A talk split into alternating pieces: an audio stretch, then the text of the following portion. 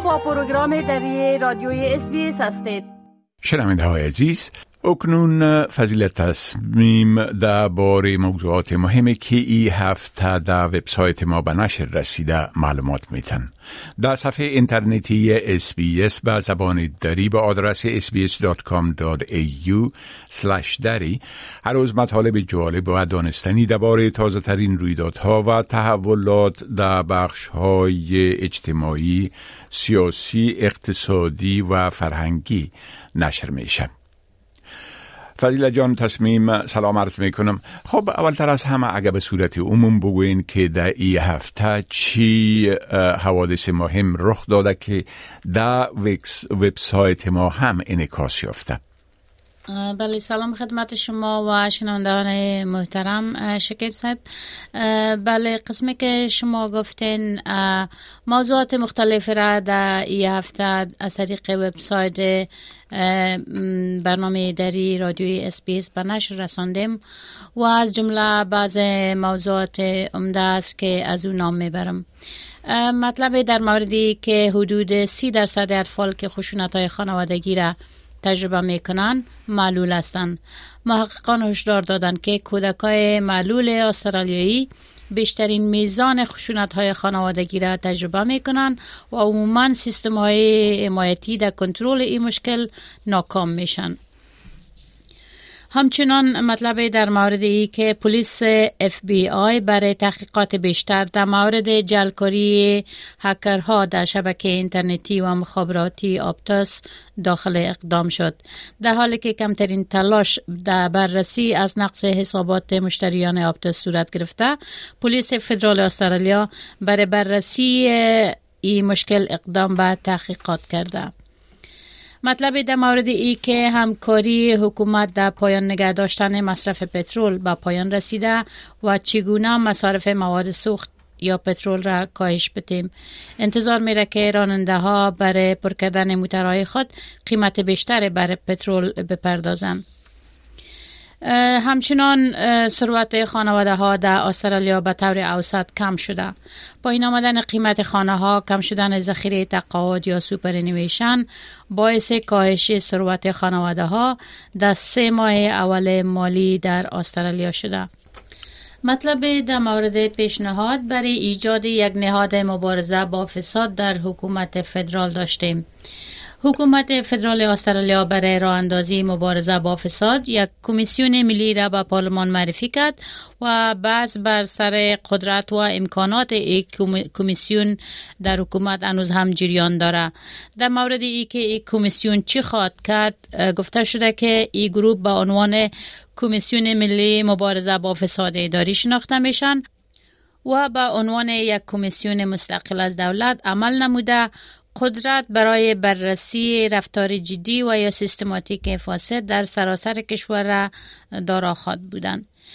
یکی از موضوعات مهم دیگه که در وبسایت ما به نشر رسید در مورد حق شدن شبکه اینترنتی و مخابراتی آپتاس و استفاده از نمرات مدیکیر بود هکرها ای که هکرها با شماره ملیکر شما چی می‌تونن بکنن؟ و آیا نگران باشیم یا خیر. بله. خب شما گفتین که از خشونت خانوادگی گفته شده که اطفال معیوب بیشتر متضرر میشن. اگر در ای باره لطفا یک مقدار توضیحات بتین بله قسمی که گفتیم حدود سی درصد اطفال که خشونت های خانوادگی را تجربه می‌کنن معلول هستند محققان هشدار دادند که اگر کودکان معلول استرالیایی بیشترین میزان خشونت خانوادگی را تجربه کنند این یک سیستم موفق نخواهد بود. به بنیاد گزارش سازمان ملی تحقیقات مسئولیت زنان در استرالیا حدود سی درصد کودکانی که خشونت خانوادگی را در سر استرالیا تجربه می کنند یک نوع معلولیت دارند. پس نتایج گزارش مبنی بر راپور پلیس استرالیای غربی و گزارشات بستری شدن در شفاخانه ها است که نشان میده احتمال داره کودکان معلول دو برابر بیشتر از دیگران شاهد بستری شدن مادرهایشان در شفاخانه ها باشند. محققان با کودکان و نوجوانان معلول که خشونت خانوادگی را تجربه کرده بودند مصاحبه کردند تا تجربات خود بیان بکنند ای اطفال مدت انتظار در لست خدمات حمایتی را تا یک سال گفتند. آنها همچنان با موانع برای دسترسی به کمک های مالی و دیگر حمایت های حکومت مواجه هستند و در اکثر اوقات ارائه کنندگان خدمات برای کمک حاضر هم نمیشن. مدافعان می‌گویند که این سیستم به نیازهای اطفال معلول پاسخ نمیده در حالی که در چنین مواقع رسیدگی فوری به این نیازها ضرور است.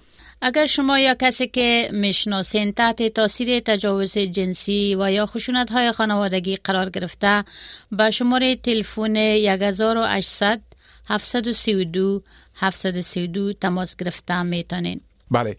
خب شما پیشتر گفتین که هکرها می‌تونن از نمرات کارت های امریکی را که دزدیدن از طریق سایبری از او استفاده کنن. میشه که بگوین که چطور از او استفاده شده می‌تونه؟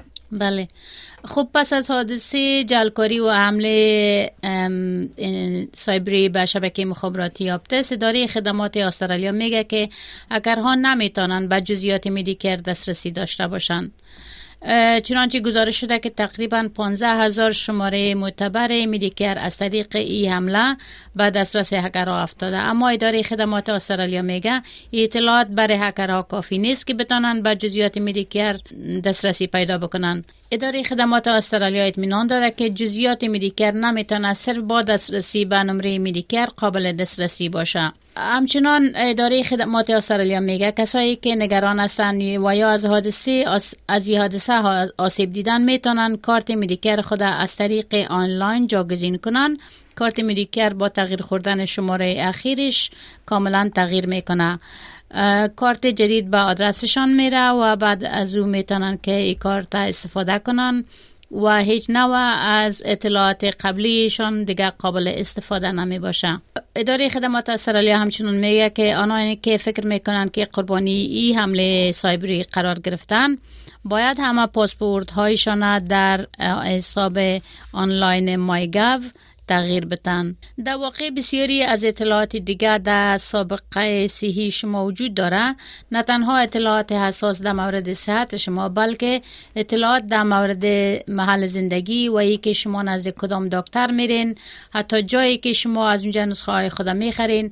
ای همه درجه کارت مدیکر می باشه اگر فکر می‌کنین که یکی از کسانی هستین که از حمله سایبری آپتس متاثر شدین می‌تونین با اداره معلوماتی جلوگیری از جعلکاری و سرقت هویت به تماس شوین بله خب فضیله جان بسیار تشکر از این معلوماتتان و فعلا شما را به خدا می سپارم روزتان خوش روز شما هم بخیر